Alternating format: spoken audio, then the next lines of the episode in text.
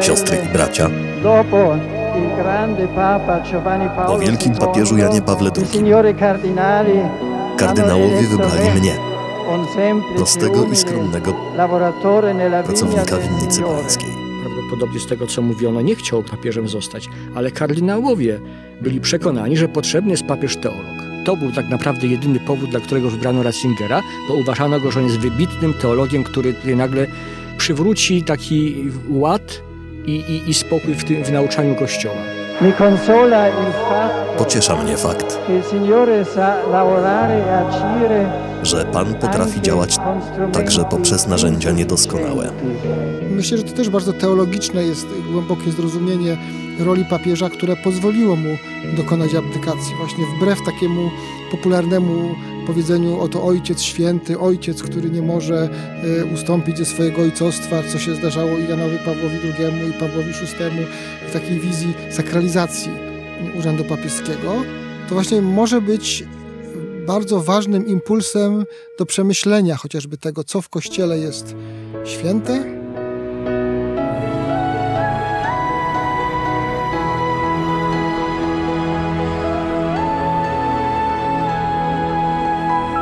Podcast powszechny. Weź, słuchaj.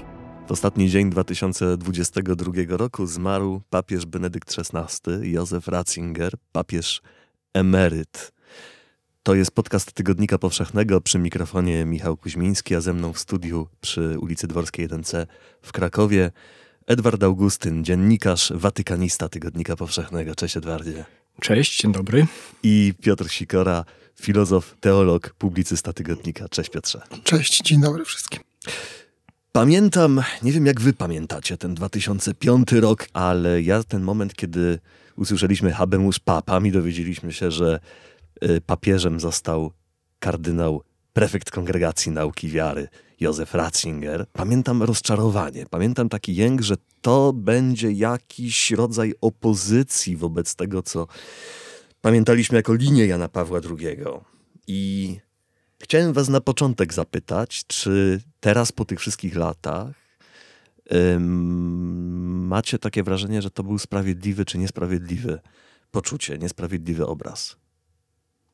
Ja też byłem rozczarowany, ale wcale tego nie, nie uznawałem wtedy za jakąś dużą zmianę, jakąś przerwę w kontynuacji. Mhm. On był osobowościowo całkiem inny. Rzeczywiście od pierwszego momentu, jak się pokazał, te jego gesty, w których mnie się wydawało, że on próbuje naśladować Jana Pawła II, były tak sztuczne, tak mu nie wychodziły. To one nie, nie były zgodne z jego osobowością, z jego temperamentem.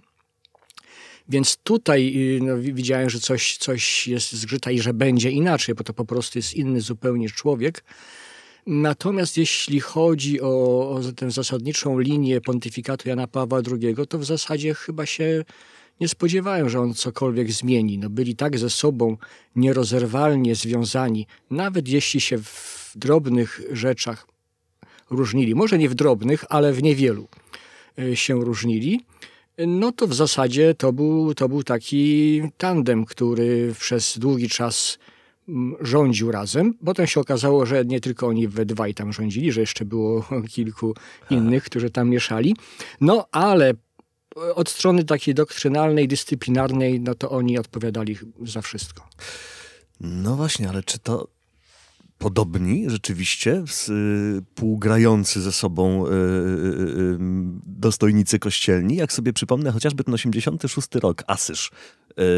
Źle powiedz, że przypomnę, bo nie, nie, nie, nie mam prawa tego pamiętać sam, ale to przecież są obrazki, które wręcz ostentacyjnie pokazywały, jak ówczesny prefekt Kongregacji Nauki Wiary był w opozycji w stosunku do tego, jak Jan Paweł II postrzegał ekumenizm temat tobie bliski, Piotrze. Tak, znaczy myślę, że mm, u Jana Pawła, zacznijmy od tego, bo zacząłeś o, tym, o tej zmianie, że e, w pontyfikacie Jana Pawła II można by takie, z grubsza oczywiście upraszczając, takie dwie strony znaleźć. Jedną taką właśnie bardziej dynamiczną i otwartą, a drugą taką bardziej zachowawczą. I ja teraz w tej chwili mówię właściwie na poziomie takim duszpastersko-teologicznym, już nie wchodząc w te kwestie zarządzania i i, i jakichś tych kwestii, które teraz wychodzą mocno, prawda, pedofilii, radzenia sobie z tymi skandalami i, i tak dalej. Natomiast sama duszpasterstwo i, i teologia. I rzeczywiście e, Wojtyła był trochę bardziej otwarty na ekumenizm i na międzyreligijny dialog niż Ratzinger. E, myślę, że to właśnie w pierwszym okresie pontyfikatu, kiedy on był jeszcze, Jan Paweł II był młodszy, bardziej dynamiczny i e, to, to było jeszcze wyraźniej widoczne. I no i rzeczywiście to była różnica. Natomiast z, z czasem myślę, że ta linia ratzingerowska jakoś tam wygrywała co dawało się na przykład, jeśli chodzi o dialog międzyreligijny i ekumeniczny, chociaż myślę, że nawet bardziej międzyreligijny niż ekumeniczny, y, dało się to popatrzeć, y, zobaczyć, patrząc właśnie na to, co się działo z teologami y, z Azji, z Ameryki, którzy próbowali w jakiś bardziej otwarty jeszcze sposób podejść do, do tych religii niechrześcijańskich, mówić o Asyżu, prawda? I, mhm, I mhm. tutaj rzeczywiście y, Jan Paweł II dał pełną jakby mm, y, swobodę Ratzingerowi w no może powiedzieć, jakimś ukrócaniu takich prób administracyjnym właśnie przez większość tych teologów, którzy coś twórczego tu robili, mieli jakieś kłopoty z kongregacją. Y, sam z drugiej strony też y, papież y, Polak wymieniał sporo na przykład episkopatu azjatyckiego. Tam w Azji w 70 latach, na początku 80 byli bardzo otwarci biskupi na dialog międzyreligijny. Był taki dokument takiej konferencji właśnie jakby ogólnoazjatyckich episkopatów, w których oni nawet mówią wyraźnie o tym, że te religie rodzime azjatyckie, wielkie, hinduistyczne religie, buddyzm, że one są no, takim przygotowaniem do Ewangelii, ale nawet takim jakby mają nawet swoją własną wartość i że e, te tradycje duchowe, mistyczne też e, trzeba, żeby były rozwijane i wcale nie trzeba ich jakby zastępować chrześcijańskimi. W jakimś sensie integrować w, w, w chrześcijaństwo i też zmieniać i to potem się zmieniło.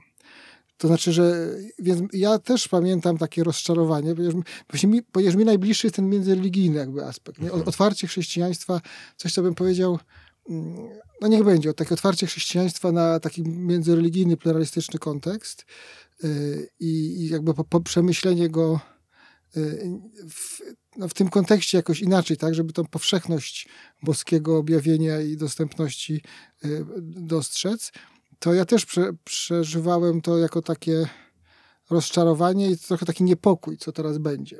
Miałem takie poczucie, że y, prawdopodobnie y, w tym takim trochę mieszanym pontyfikacie Jana Pawła II, to po tym mieszanym pontyfikacie to teraz zostaną wybi wy, wybite na plan pierwszy te wątki właśnie, które no, były dla mnie niepokojące.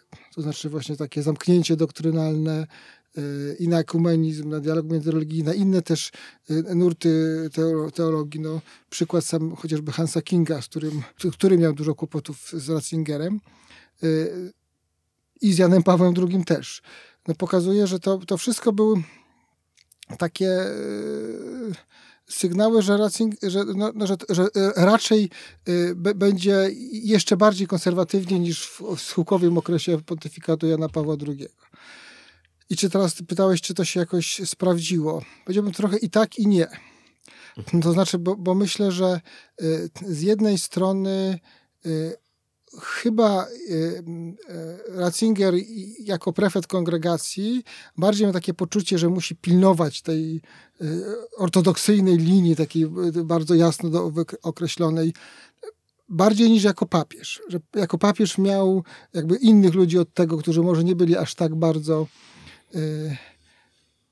no, dynamiczny w tym swoim pilnowaniu, tak? Natomiast też jakby niewiele się działo i, prawda jest taka, że rzeczywiście do końca pontyfikatu Benedykta XVI y, to ci teologowie, którzy jakoś chcieli na przykład właśnie w tym międzyreligijnym y, dialogu coś bardzo do, do przodu, no byli zacenzurowanymi i, i cały czas mieli kłopoty i, i różne y, sytuacje też, to w Stanach bardzo wyraźnie było widać też, y, na przykład tam w, w takim no, też ruchu właśnie teologicznym, na przykład teologicznych, y, y, chociażby były taka, taka, takie sytuacje jak y, naukowy, teologiczny periody, który miał być po prostu nie pamiętam w tym momencie tytułu, y, artykuły miały być wyłącznie drukowane takie, które mają recenzję, prawda? Więc był jakiś artykuł, który ktoś podważał y, jakąś y, aspekty nauki, do, do, doktryny o małżeństwie, takie jaka ona była jakby głoszona przez Urząd Nauczycielski Kościoła. Tam próbował coś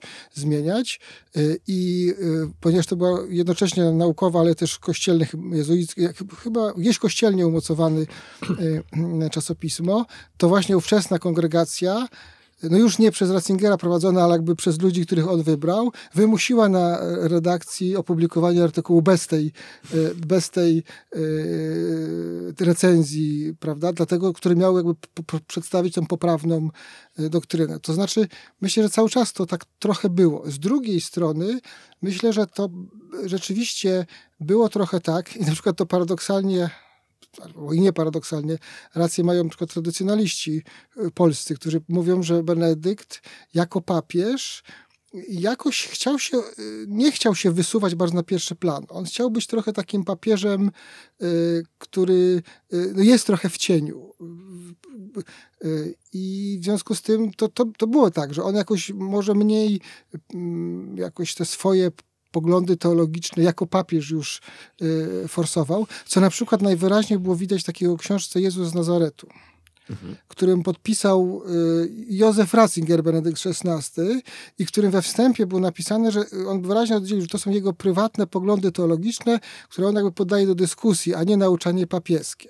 Aha. Y, co zresztą na przykład w Polsce było nie do końca jakby uświadomione. Tam często pojawiały się jakieś takie recenzje, że to, to właściwie jest y, głos papieski, który jest, no, trzeba słuchać jak papieża. A Benedykt wyraźnie tutaj w swojej takiej właśnie teologicznej subtelności rozróżniał, co on mówi jako papież z pełnym autorytetem, a co jako po prostu Ratzinger sobie tam myśli.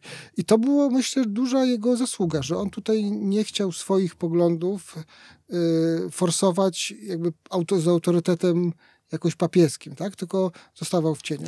To jest właściwie dość ciekawy wątek w jego biografii, bo to jest tak, że mówimy o nim jako o tym właśnie stróżu doktryny kardynale Ratzingerze, potem jest ten papież Benedykt, który jakby sam y, rozluźnia własne wcześniej y, y, ustanawiane rygory, a wcześniej jest jeszcze przecież ksiądz Józef Ratzinger, postępowy teolog, przecież, przecież jedna z ważniejszych postaci Soboru Watykańskiego II. Jak to właściwie było z Ratzingerem i z tymi właśnie jego sprzecznościami? Niesprzecznościami? To były sprzeczności, to znaczy on dokonał kilkakrotnie e, wolty, mogę tak chyba powiedzieć, albo przynajmniej, że były punkty zwrotne w jego życiu. E, pierwszym był na pewno rok 68, on o tym mówi. I on do tego 68 roku e, troszkę może jeszcze wcześniej to się skończyło, ale już ta atmosfera y, chyba się rodziła w, na niemieckich uniwersytetach. On był postrzegany rzeczywiście jako teolog y, postępowy. Był tak postrzegany na Soborze Watykańskim II. Był bardzo młodym teologiem. Y, był w redakcji czasopisma Concilium, które było mocno krytyczne wobec, wobec Watykanu ale już na Soborze, pod koniec Soboru i w pierwszych latach posoborowych zauważył, że mm, te zmiany soborowe e, według niego nie idą w duchu e, Soboru Watykańskiego II, czyli nie, nie tak, jak sobie ojcowie soborowi to e, wymyślili, czy chcieli, czy założyli. W 68 rok to już było takie tąpnięcie, kiedy on zobaczył, do czego Y, ta relatywizacja y, i, i zreformowanie wszystkiego y, prowadzi, gdy już nic nie ma stałego w życiu. Ani w etyce, ani w religii, ani, ani w, w wartościach społecznych, w wartościach moralnych. No, to, to był szok dla niego. I wtedy rzeczywiście można powiedzieć, że on stanął po drugiej stronie, powiedział, że to nie ja się zmieniłem, tylko inni się zmienili, ale to akurat z tym by można było dyskutować. E, I to był taki pierwszy, e, taka pierwsza wolta. Potem rzeczywiście, mm, tak jak mówiliście, e, był troszeczkę inaczej się zachowywał jako prefekt kongregacji doktryny wiary, troszeczkę bardziej był delikatny już jako papież. To być może wynikało z funkcji, nie, nie tylko ze zmiany jego, zmiany jego poglądów, chociaż zaraz powiem, co było tutaj takim drugim momentem zwrotnym. E, z tym, że mm, cały czas to odniesienie do soboru było bardzo ważne i tutaj bym troszeczkę się nie zgodził z tym, że no, no, no, że, że, że, te różnice między Janem Pawłem II a, nim, a Benedyktem a Ratzingerem były owszem w tych ważnych kilku sprawach, one były dość istotne, ale na przykład mieli obaj bardzo jednakowe podejście do Soboru Watykańskiego II i mógł, powiedziałbym, że oni po raz pierwszy oderwali interpretację Soboru Watykańskiego II od takiej postępowo-liberalnej narracji, takiego właśnie mm, paradygmatu postępowo-liberalnego, tylko pokazali, że można być człowiekiem Soboru, ale być człowiekiem o stałych konserwatywnych poglądach związanym z tradycją i obaj się tego bardzo trzymali. Tak naprawdę oni na, przez te 25 lat zamknęli chyba te okna, e, które Sobór otworzył na, na, na, na wiatry mm, do powiew nowości, zamykając dyskusję e, teologiczną. I nie tylko teologiczną. To, co wspominałeś, to, były też, to było też zamknięcie dyskusji medialnej, zwłaszcza w czasopismach katolickich. Yy, I on to yy, może z mniejszym natężeniem rzeczywiście, ale kontynuował jako papież, bo na przykład on wtedy otworzył dwa postępowania dyscyplinarne właśnie w Stanach Zjednoczonych przeciwko zakonnicom, które miały jakieś takie ciągotki feministyczne yy, i to były bardzo mm, ostre decyzje pozbawiające władzy przełożonych.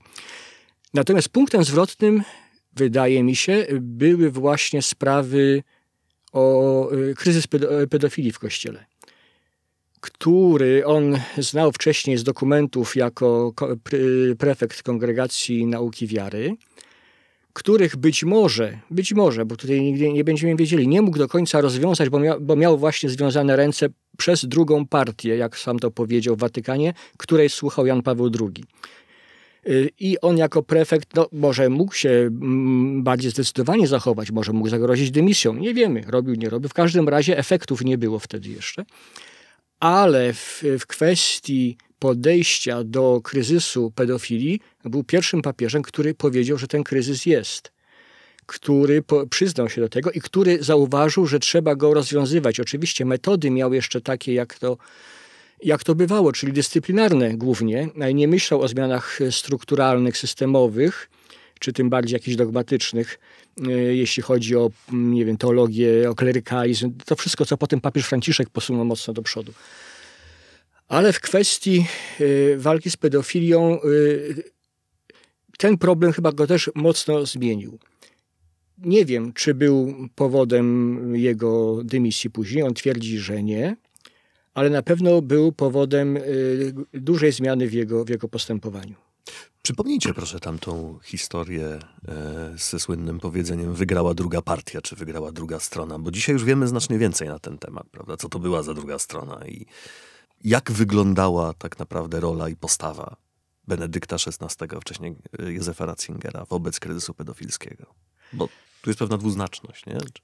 Z jednej strony zauważył, a z drugiej strony trudno powiedzieć, żeby działał tutaj y, konsekwentnie, błyskawicznie i tak dalej. Dowiedzieliśmy się o tej historii od papieża Franciszka, który po raz pierwszy na konferencji prasowej w samolocie yy, opowiedział dziennikarzom, myląc troszeczkę chyba, yy, chyba fakty, ale zasada, czy treść była mniej więcej taka, że yy, papież, y, kardynał Józef Ratzinger jako prefekt nauki wiary chciał doprowadzić do ukarania pewnego założyciela zgromadzenia, więc wszyscy razu pomyśleli o legionistach Chrystusa i o Degoladzie Masielu. Y, ale być może chodziło tutaj o kardynała Groera. Być może papież Franciszek pomylił dwie, dwie sprawy. Mhm. Ale to jest nieistotne. W każdym razie z jedną z bardzo ważnych y, afer nadużyć seksualnych w kościele y, kardynał Józef Ratzinger przyszedł do papieża y, z, z dokumentami, które właściwie pozwalały otworzyć dochodzenie. Nie były to jeszcze dowody winy, ale były bardzo poważne oskarżenia, które y, powinny skutkować otwarciem postępowania. I potem wrócił Ratzinger do swojego biura i powiedział współpracownikom żeby schowali tę teczkę do archiwum, ponieważ wygrała druga partia. Papież Franciszek mówiąc to zasugerował, że były różnego rodzaju blokady w Watykanie blisko papieża, które nie dopuszczały w ogóle takiego domyśli yy, takiej sytuacji, że kardynał lub wysoki rangą człowiek kościoła mógłby zostać publicznie oskarżony, nawet na forum kościelnym, i, i miałby, mógłby mieć proces i zostać ukarany. I tak naprawdę yy, teraz już jest jasne, że ta druga partia, no to, to i tym filtrem, który, który pilnował, yy, był sekretarz stanu Angelo Sodano, kardynał Angelo Sodano i sekretarz osobisty papieża Jana Pawła II, kardynał Stanisław Dziwisz, którym mocno zależało na wyciszeniu tego typu afer. Z jakich powodów, to tutaj jest znowu kwestia i zupełnie inna, można by było dyskutować i się domyślać. Na pewno chcieli te afery wyciszyć. Jeszcze bym wrócił mhm. do, tych, do tych sprzeczności Aha. i tych volt, bo y, ja bym to rzeczywiście raczej nazwał woltami niż sprzecznościami. W tym mhm. sensie, że to nie, chyba nigdy nie było tak, żeby on jednocześnie miał dwie sprzeczne poglądy, tylko mhm. właściwie właśnie zmieniał. I myślę, że to jednak jest świadectwo y, właśnie otwartości jego. Nie? To znaczy, te, nawet ten, to usztywnienie, paradoksalnie powiedziałbym w pewnym momencie, też było świadectwem jakiejś otwartości, bo ono było wynikiem y, no, tego, że on jakoś cały czas myślał nad swoimi poglądami, starał się jakoś je skonfrontować z rzeczywistością, którą tak czy nie inaczej postrzegał. No, rzeczywiście jakoś w swojej mm, odbiorze może nawet nie tyle kościelnych, co ja myślę, że nawet bardziej społecznych y, y, zmian w 1968 roku, tych kontrkulturowej rewolucji, myślę, że nawet ten, ten odbiór właśnie tego, tego społecznego y, zawirowania spowodował jego z kolei usztywnienie takie teologiczne. Y, myślę, że ta potem zmiana znowu jego jakby tonu czy sposobu działania, kiedy przeszedł z pozycji prefekta na, na pozycję mm, papieża, y, też była świadectwem pewnego cały czas przemyśliwania i jednak pewnej otwartości na to, co być może też nowych danych, y, y, jakby zobaczenia jakby innych stron też, bo z, z różnej pozycji różne rzeczy widzimy, prawda? I myślę, że z kolei ten ostatni jego krok, czyli ustąpienie, też było bardzo wyraźnie świadectwem pewnej otwartości na to, że nie trzymał się pewnych zastanych sztywno Y, do tej pory pewnych zwyczajów, jak jest, tylko był gotowy reagować na to zgodnie ze swoim rozeznaniem na to, co widział w rzeczywistości. Ja tu jednak widzę sprzeczności.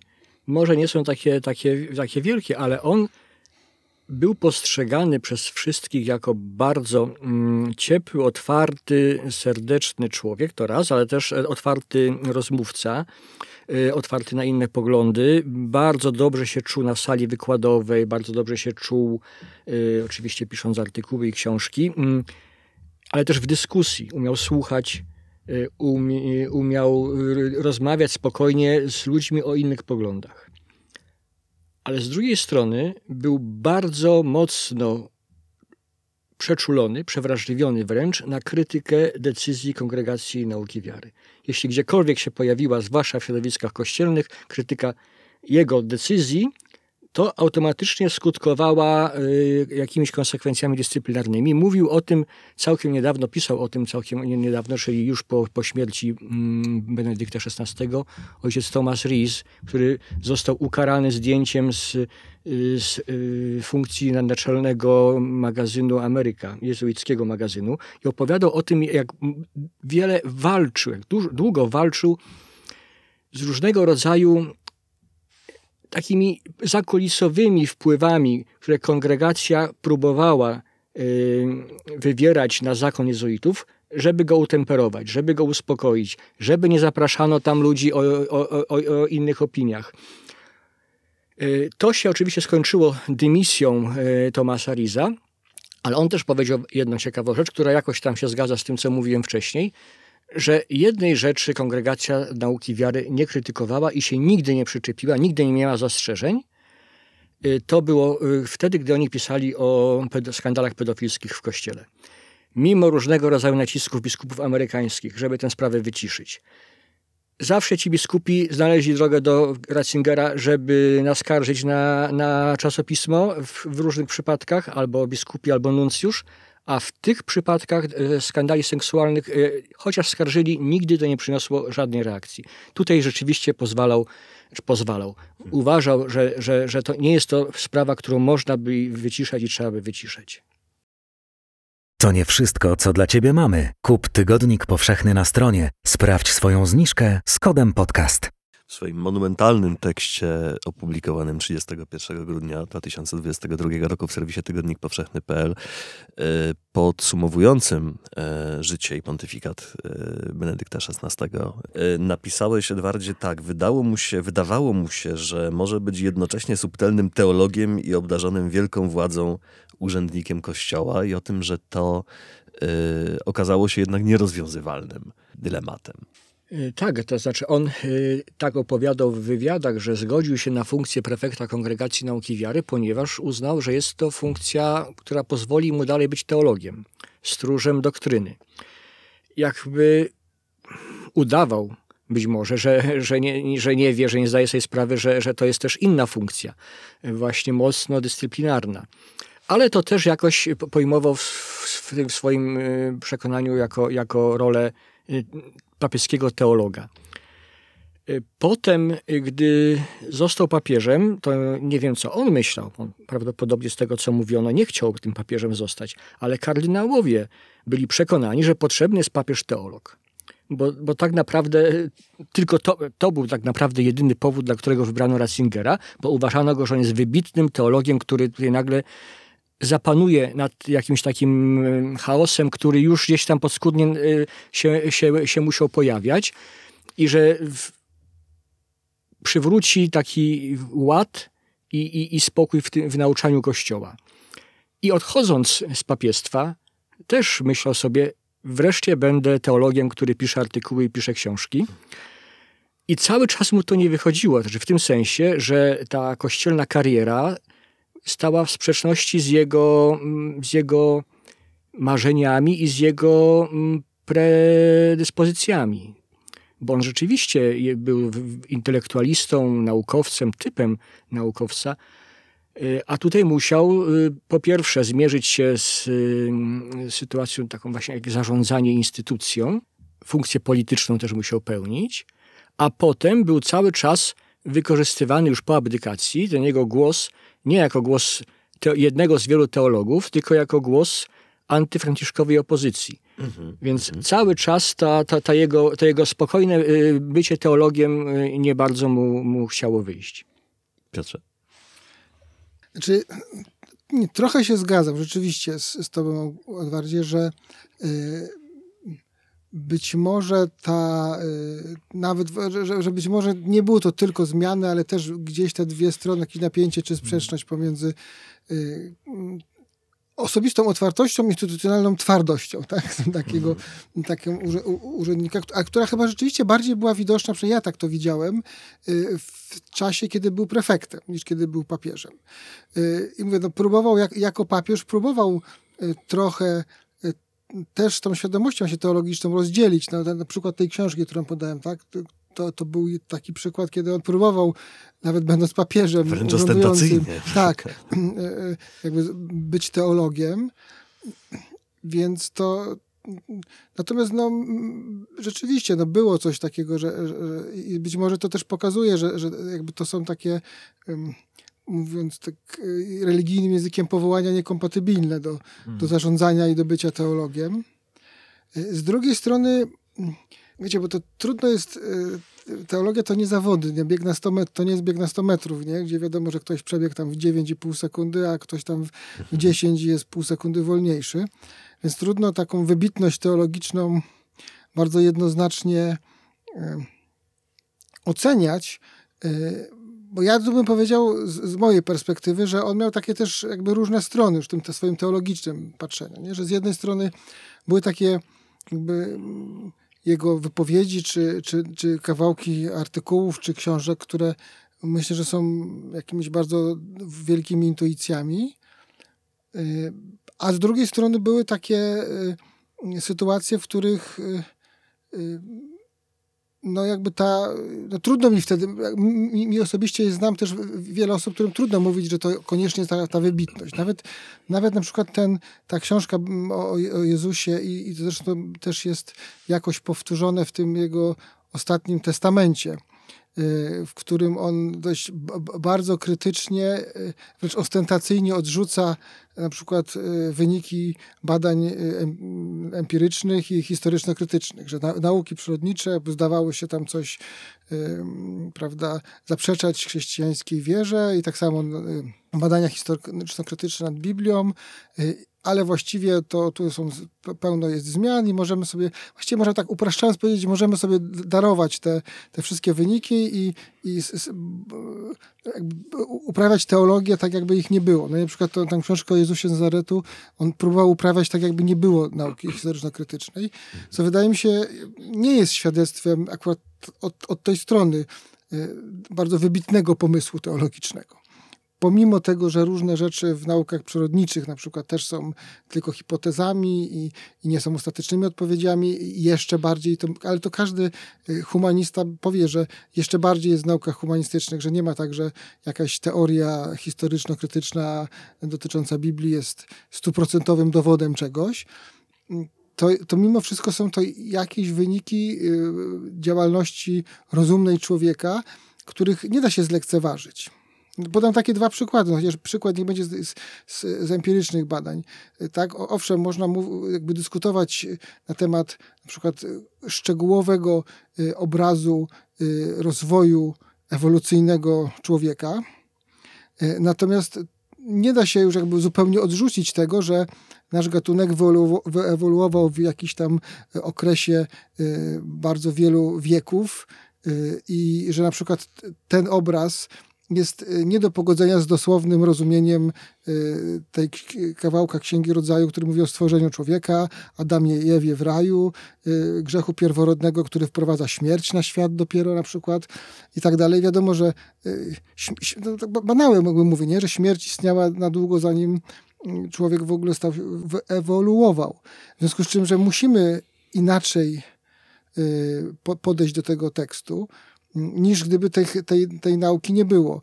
No i podobnie można powiedzieć w, w kwestiach e, biblijnych. No też oczywiście można dyskutować nad tym, jakie są konkretne datowania poszczególnych Ewangelii, e, które z tych tekstów są wprost powiedziane przez Jezusa, a które są e, opracowaniem redakcyjnymi i tutaj się naukowcy będą spierać, jedni mówić tak, drudzy inaczej ale właściwie istnieje konsensus trudny do odrzucenia, jeśli w ogóle myślę, że z punktu widzenia takiego racjonalnego niemożliwy, który by powiedział, że właściwie wszystkie teksty, które wypowiedzi w Ewangeliach na przykład, które mamy w ustach Jezusa włożone, że to są dokładnie takie wypowiedzi, jak Jezus je powiedział.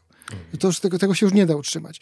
I w, w związku z tym y, ja myślę, że to, to była słabość, moim zdaniem, też Ratzingera jako teologa, i być może trochę jego Ratzingera jako prefekta i trochę Benedykta XVI jako papieża, że on, może to miało źródło e, w tym jego przerażeniu tą, ja bym tak, tak nazwał, przerażeniu tą e, kontrkulturową rewolucją 68 roku, i takiej próbie zamknięcia się jednak na to, co się w świecie dzieje. Takiego zobaczenia, że, to, to, że w tym całym kotłowaninie, która, tej całej kotłowaninie, która się, się tam dzieje w świecie, że właściwie, że to jest sam chaos i zło.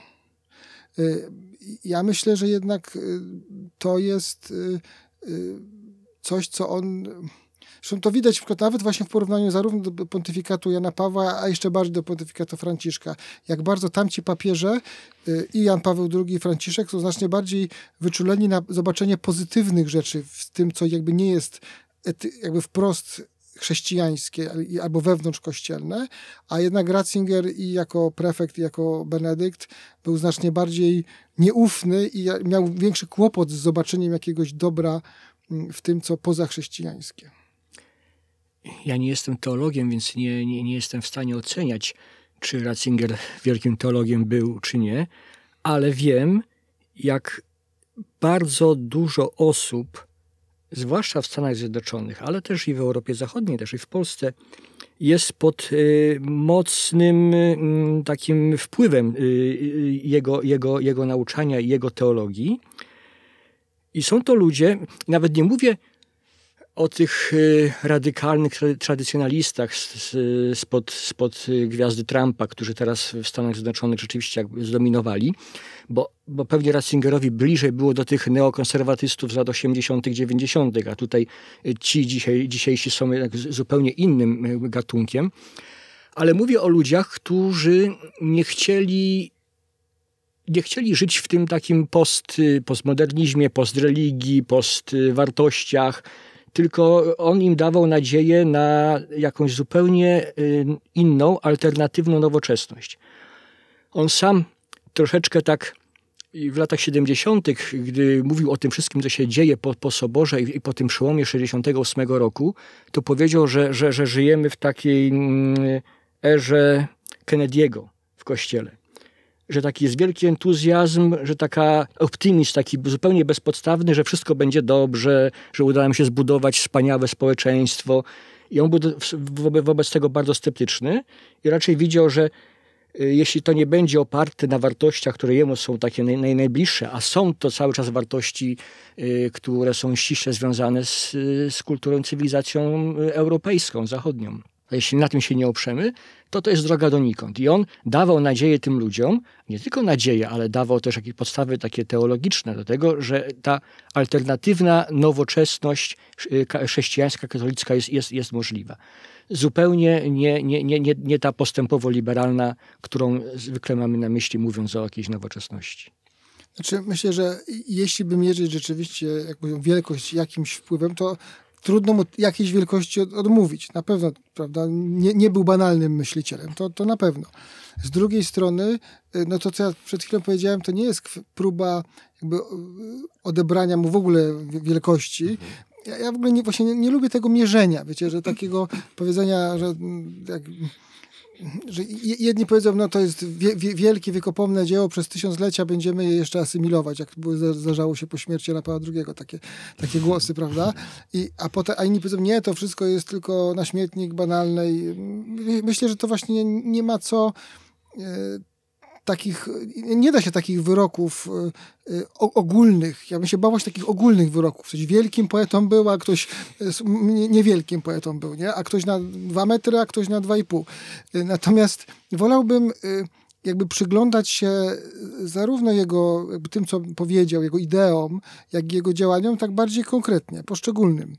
I w tym względzie bym, powiedziałbym tak, że, że właśnie na, na przykład no bardzo cenię u niego niech będzie. To jednak świadomość y, odróżnienia tego, co instytucjonalne w jego postaci, zwłaszcza papieskiej, od tego, co jest y, jakby jego osobiste, świadectwo o tej książce i paru takich innych prób. Myślę, że bardzo cenię, myślę, że to też bardzo teologiczne jest głębokie zrozumienie roli papieża, które pozwoliło mu dokonać abdykacji. Właśnie wbrew takiemu popularnemu powiedzeniu oto ojciec święty, ojciec, który nie może y, ustąpić ze swojego ojcostwa, co się zdarzało i Janowi Pawłowi II i Pawłowi VI i takiej wizji sakralizacji urzędu papieskiego, która no, ma gdzieś jakiś religijny taki jakby za sobą no, jakąś takie atrakcyjność. Gdzieś to jest taka atrakcyjność, taki, bo, bo, to też nie tylko papierze, to ludzie też czasami jakby chętnie podejmują taką wizję, jeżeli jednak jest jakaś taka postać, która uosabia jakoś tam wyraźnie tą świętość i niemalże boskość w świecie. A on ze swoim teologicznym przenikliwością wiedział, że to nie jest dobra ewangeliczna mm, perspektywa i potrafił to oddzielić y, właśnie to, co jest jakby istotne do urzędu papieskiego, od tej sakralizacji i właśnie ustąpić, trochę go desakralizując. Natomiast myślę, że jego słabością była y, właśnie zamknięcie na to, co się dzieje poza chrześcijaństwem, bo zobaczcie, że właściwie nawet w tej, y, y, tej sprawie, która była mu bardzo jakby droga i z którą się y, zgadzał też na przykład z, z bardzo wieloma, nawet z postępowcami, jak powiedzieć o tym Tomasie Risie, który wiedział, że kwestia pedofilii w kościele jest na tyle dla niego ważna i jakby jednoznaczna, że tutaj ile może, to pozwoli. Może się nie przebije przez Sodano, może nie, nie stać go na jakieś gesty większe, ale co, co może, to będzie robił i ma tą taką moralną świadomość, że to jest coś złego y, i że nie można bronić instytucji kosztem, kosztem ludzi,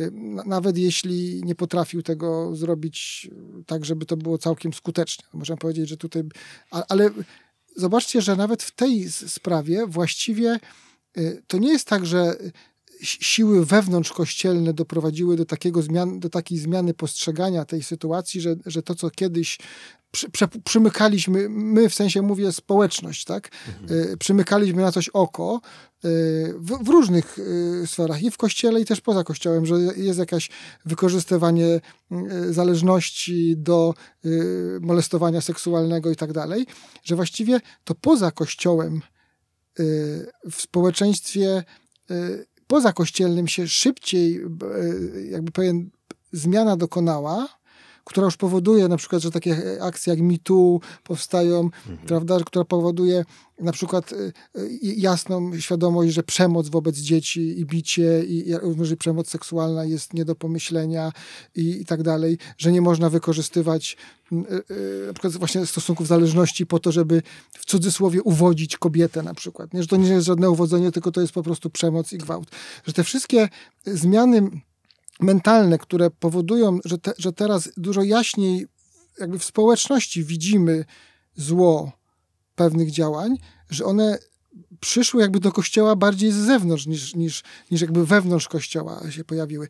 I to by pokazywało, że właśnie ten, ta ratzingerowska trochę nieufność wobec tych zmian w świecie, które się dzieją po tym 68 roku, tego postmodernizmu, który taki jest straszny i w ogóle że, że, to jest, że to jest słabość jego myślenia, że jednak w tym chaotycznym świecie dokonuje się dużo dobrego i na przykład y, jakby rozpowszechniają się y, dobre, właściwe intuicje moralne, które pozwalają społecznie, tak, bardziej rozpowszechniony sposób widzieć jaśniej, co jest dobre, co jest złe, widzieć jaśniej krzywdę y, jako krzywdę.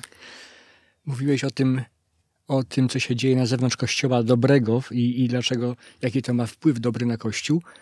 A ja to na to patrzę z drugiej strony, bo chyba Ratzinger był e, ostatnim papieżem, ale też jednym e, z przedstawicieli tego pokolenia w Kościele, który uważał, że za zło w Kościele, za kryzys pedofilski w Kościele, źródło tego zła jest na zewnątrz Kościoła. Papież Franciszek widzi, że to już może być w środku, że sklerykalizm to są jakieś systemowe sprawy, a on uważa, że to jest ten ten upadek cywilizacyjny, który się odbył poza Kościołem, ten, ten relatywizm, ta rewolucja seksualna, więc cały czas źródło, źródło tego największego zła yy, widział, widział na zewnątrz.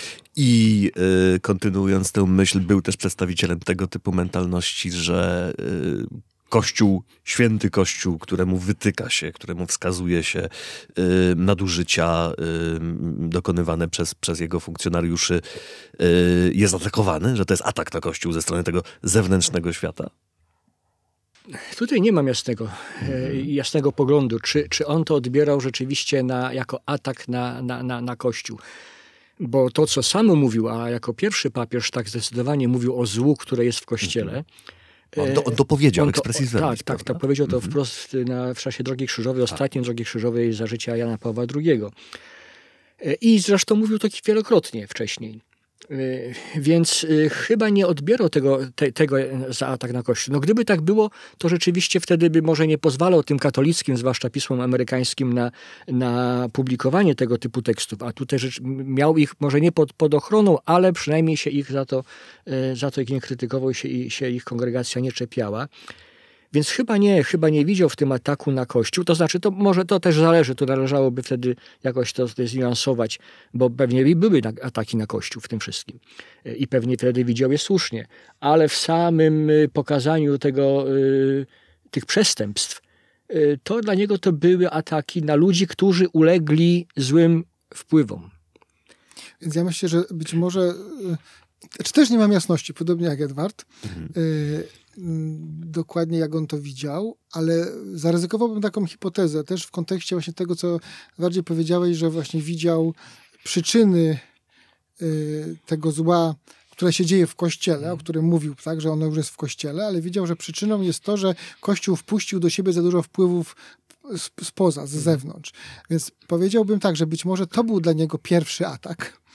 Znacznie poważniejszy, skuteczniejszy, że on jakby nastąpił i że, że być może trochę na takiej zasadzie, nie wiem na ile intencjonalnej, w sensie, że ktoś tam, jakaś, jakieś osoby chciały zaatakować, tylko po prostu były pewne wpływy, kultur, atak sił kulturowych, tak, które chętnie pewni y, członkowie kościoła, z którymi się nie zgadzał, y, można powiedzieć, wpuścili do kościoła, tak jak konia trojańskiego ktoś tam wpuścił do Troi, więc to właśnie ci mm. wpuścili tego konia trojańskiego, a, a cała reszta już była mniej ważna. Tu bardziej się rzeczywiście chyba skupiał i to jest, ja myślę, że jego duża zasługa, y, tak jak go postrzegam, że jednak y, przy wszystkich swoich ograniczeniach mm, to no właśnie był tą, tą partią, która jednak bardziej y, chciała jakoś wyczyścić Kościół z tego zła, niż po prostu y, ochronić instytucje i ludzi y, nawet za cenę tego, żeby to zło było. Tak? Mhm. To, to była ta druga partia, która wygrała. Y, jemu zależało na tym, żeby jednak tych krzywd nie było. Mówię, podejrzewam, że z powodu rozmaitych swoich ograniczeń, być może i osobowościowych i, i, i, i właśnie też jakby uwikłania, bo nawet papież jest uwikłany jakoś w cały mechanizm, nie jest y, wszechmocny, tak, pomimo wszystkiego, więc nie był w stanie y, pewnych rzeczy zmienić. Pytanie, pytanie, myślę, że to jest bardzo ważne pytanie, na ile ta właśnie jego diagnoza, że to zło jest wynikiem po prostu y, wpływów pozakościelnych, a nie pewnych wewnątrzkościelnych procesów, które y, właśnie nawet tej teologii klerykal, klerykalizującej Kościół i tak dalej, czy to nie była, czy to nie był powód jego nieskuteczności? I to był moim zdaniem powód jego dymisji. Tak przynajmniej czytam w ostatnim wywiadzie, którego udzielił Sewaldowi, gdzie mm, właściwie taki rozgoryczony już 91-letni starzec mówi o tym, że chrześcijaństwo to europejskie, zachodnie, a też zachodnie, czyli w Ameryce, w Kanadzie, przegrywa z nową religią, sobie, którą sobie wytworzyło współczesne, nowe, nowoczesne społeczeństwo. I to jest religia, która ma, on tak to powiedział wprost, religia, która wyklucza wszystkich, którzy nie akceptują jej zasad takich jak aborcja, jak eutanazja, jak in vitro, jak homoseksualne małżeństwa. I on widzi, że to zostało, to się już dokonało, to zostało wpuszczone do kościoła y, i według niego y, Kościół, chrześcijaństwo z tą tendencją, z tą nową religią przegrywa, przynajmniej na kontynencie europejskim, w tej cywilizacji, która jemu była bardzo bliska. Odżywa chrześcijaństwo w innych kulturach, w Azji, w Afryce, w Ameryce Południowej, ale to są kultury jemu obce. I on już czuł się bezradny i bez sił, żeby to chrześcijaństwo, ten katolicyzm prowadzić, dając miejsce, ustępując miejsca papieżowi, który będzie papieżem globalnym, nie europejskim. I, I Franciszek rzeczywiście jest papieżem globalizacji. Bez względu na to, jak o tej globalizacji mówi, raz dobrze, raz źle, to jednak ją rozumie i, i wie, czym, co, co to jest i co to znaczy.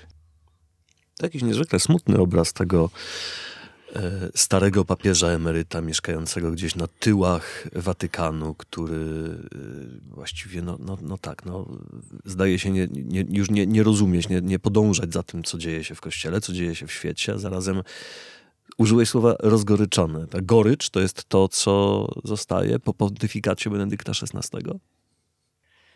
Nie, chyba zostanie dużo, dużo więcej. To jest może ostatnie wrażenie, bo, bo też w takiej atmosferze jesteśmy teraz trochę smutnej, przygnębienia, yy, jak to się zawsze wiąże ze śmiercią, ale to jednak jest 96 lat życia. Jeśli jeśli w, his w, historii Kościoła e, e, papiestwo liczy się w pontyfikatach, to ja policzyłem, że on żył w ośmiu pontyfikatach, w tym w jednym własnym, i który nie był ostatnim wcale. No nie? Więc to jest zupełnie niesamowita historia i tam na pewno jest bardzo dużo jeszcze rzeczy do, do odkrycia, do znalezienia, do, do mówienia. Znaczy, ja bym powiedział tak, że nie potrafię ocenić y, jego od strony osobistej Zwłaszcza, że te ostatnie lata, które jakoś też myślę, że są takim y, kulminacją życia, tak? no, pozostały w takim cieniu, że do końca y, jakby nie wiemy, jak on to przeżywał. Są jakieś głosy, ale nigdy nie, właściwie już rzadko jego, nawet jak mówisz o tym, o tym y, wywiadzie, tym jak on 91-letnim mówi, no to to były już też wywiady, które pojawiają się wątpliwości, na ile on to wszystko autoryzuje i to, czy to jest tak, że to dokładnie on tak powiedział, jakby chciał nadać temu dokładnie taki wydźwięk, czy też, jak sam powiedziałeś na początku naszej rozmowy, był używany też przez pewnych ludzi, którzy chcieli jakby, żeby, zabrzmi, żeby, żeby wybrzmiało z jego głosu coś bardziej co niż by być może on chciał. Natomiast Ponoć Sewaldowi autoryzował yy, no, książkę i wywiad. No, to okej. Okay. To znaczy, to wydaje mi się tak, że, że to by świadczyło o tym, że jakaś, jakiś, nie wiem czy gorycz, ale poczucie takiej przynajmniej yy, powiedziałbym zewnętrznej porażki było u niego. I myślę, że to, że on ustąpił z tego e, urzędu papieskiego, to było też świadectwo tego, że on widział, że na poziomie takim instytucjonalnym, jakby zewnętrznego działania poniósł pewną porażkę. Z drugiej strony myślę też o nim, że on osobiście na pewno jakby z pewnych wypowiedzi, które wypowiadał przez całe swoje życie, które ja gdzieś tam odczytywałem, że dla niego ten zewnętrzny, instytucjonalny wymiar nie był najważniejszy. Więc, więc być może miał takie poczucie, że zewnętrznie poniósł porażkę, ale wewnętrznie jako człowiek tego nie wiem. Natomiast y, więc, więc trudno, trudno powiedzieć jakby od, od, jego strony osobistej, czy, czy, czy gorycz to jest jakby tam przykład właściwe mhm. słowo. Może, może gorycz na poziomie takim właśnie zewnętrznym tak, a jakieś pogodzenie się i jakiś jednak pokój ducha na poziomie wewnętrznym, ale tego nie wiem. Nie znam jego, jego serca w ostatnich dniach. Y, natomiast wydaje mi się, że nie da się do końca powiedzieć w tym momencie i to jest za szybko, żeby oceniać, y, jakby z punktu widzenia takiego dziedzictwa, tak? Wpływu jego jako Ratzingera i Benedykta na Kościół, co tam się, to, to, jest, to jest za blisko. Powiedziałbym, że ono chyba podobnie jak mówię o tych sprzecznościach właśnie jest niejednoznaczne. No, że jed, tak na, na dzisiaj na gorąco hipoteza, że z jednej strony jest trochę takiego mm, wpływu, który ja bym ocenił, że to właśnie z powodu słabości jego wypowiedzi było, było to coś co jest jakby, jakby dziedzictwem będzie pewna słabość Kościoła, takie, takiego zamknięcia, ale z drugiej strony myślę, że jego wielkim y, i dla mnie to jest jakby największe jego dzieło, jego życia, to jest to, że on jednak abdykował. To znaczy... To nie brzmi dobrze. Nie, dlatego, że to jest, wiesz, bo, bo, bo to jest, bo to nie chodzi o to, bo to jest bardzo odważny czyn, który jest czynem, jak byśmy powiedzieli, w takim biblijnych kategoriach prorockim, bo pokazują właśnie zdolność do desekralizacji urzędu papieskiego i to takiej właśnie, która nie jest jakby e, obrazoburcza, tylko jakby jest wewnątrz tej tradycji. Pokaza, poka, pokazanie, że da się zostać wewnątrz tej tradycji, desekralizując urząd papieski, to jest coś, co moim zdaniem może bardzo pozytywnie wpłynąć na chrześcijaństwo przyszłości. A tu jest znowu kolejna sprzeczność. E, a może jej nie ma. Wyprowadźcie mnie z błędu, jeśli się mylę. Ale z jednej strony jest to papież, który jest orędownikiem Kościoła Świętego, prawda? To jest papież, który y, niesłychanie dowartościowuje tradycję, który y, dowartościowuje liturgię przedsoborową, który stoi, firmuje za koncepcją, że nie ma zbawienia poza Kościołem katolickim w deklaracji Dominus Jezus, prawda?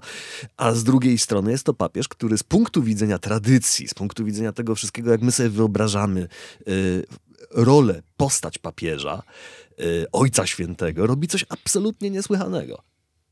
Idzie na emeryturę, rezygnuje, mówi nie, ja się już tutaj więcej nie, tym nie, nie, nie, zajmuję. Czy rzeczywiście nie jest to obrazoburcze z punktu widzenia takiego postrzegania Benedykta jako tego właśnie stróża tradycji, konserwatywnej wizji Kościoła? No, ten świętość chyba w czym innym zupełnie widział Kościoła tak, niż, niż w swojej osobie i papiestwie. Tak, ja, ja, myśl, ja, myślę, że właśnie to jest to, że on, i to jest też jego jakaś yy, yy, tutaj część wielkości, tak? Ta, ta część, która jest, jest wielka, jakby umiejętność rozróżniania że okej, okay, co jest, że w świętości Kościoła nie wszystko jest święte. Owszem, można dalej dyskutować, y, czy on wszystko właściwie rozróżnił, natomiast myślę, że y, y, ja tu się z tym głęboko zgadzam, że, że właściwie rozróżnił, że urząd papieski nie, to nie jest to coś, co, co należy w kościele sakralizować w taki sposób, jak, jaki było sakralizowane przed nim przez myślę, być może nie do końca świadomie, ale jakoś tak siłą rozpędu przez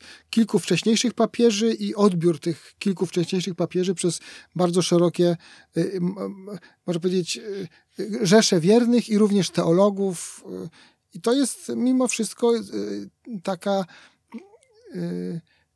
taki, taki działanie, taki czyn, który myślę, że niezależnie od tego, jak będzie jeszcze dalej przemyślany i wykorzystany w Kościele, to właśnie może być bardzo ważnym impulsem do przemyślenia chociażby tego, co w Kościele jest święte, co w, ogóle w religii jest święte, a co jest y, tylko pozornie święte i, i, i, ludzkie i czego jakby właśnie y, sakralizować nie należy.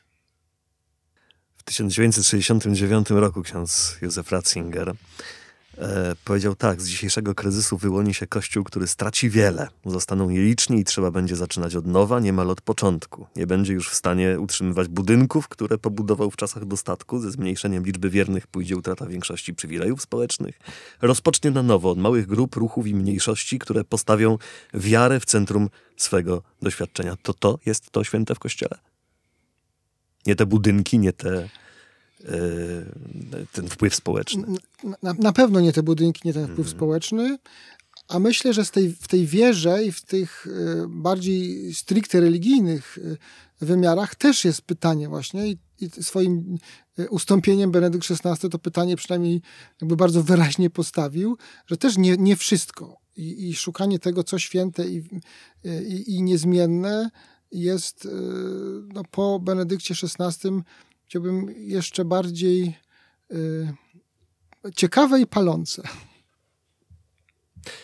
Więcej o Benedykcie XVI, o jego roli, o jego postaci, jego teologii przeczytają Państwo w serwisie Tygodnik Powszechny.pl, gdzie przygotowaliśmy serwis specjalny y, żegnający Benedykta XVI, w którym między innymi e, moi i Państwa e, dzisiejsi goście e, piszą i pisać będą w najnowszym tygodniku powszechnym również. Przeczytacie Państwo więcej na ten temat. Zapraszamy bardzo serdecznie.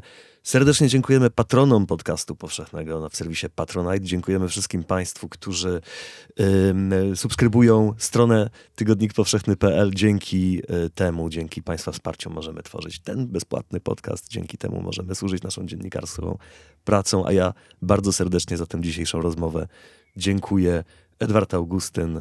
Dziękuję bardzo. Piotr Sikora. Ja też dziękuję. Wszystkiego dobrego Państwu. Do usłyszenia.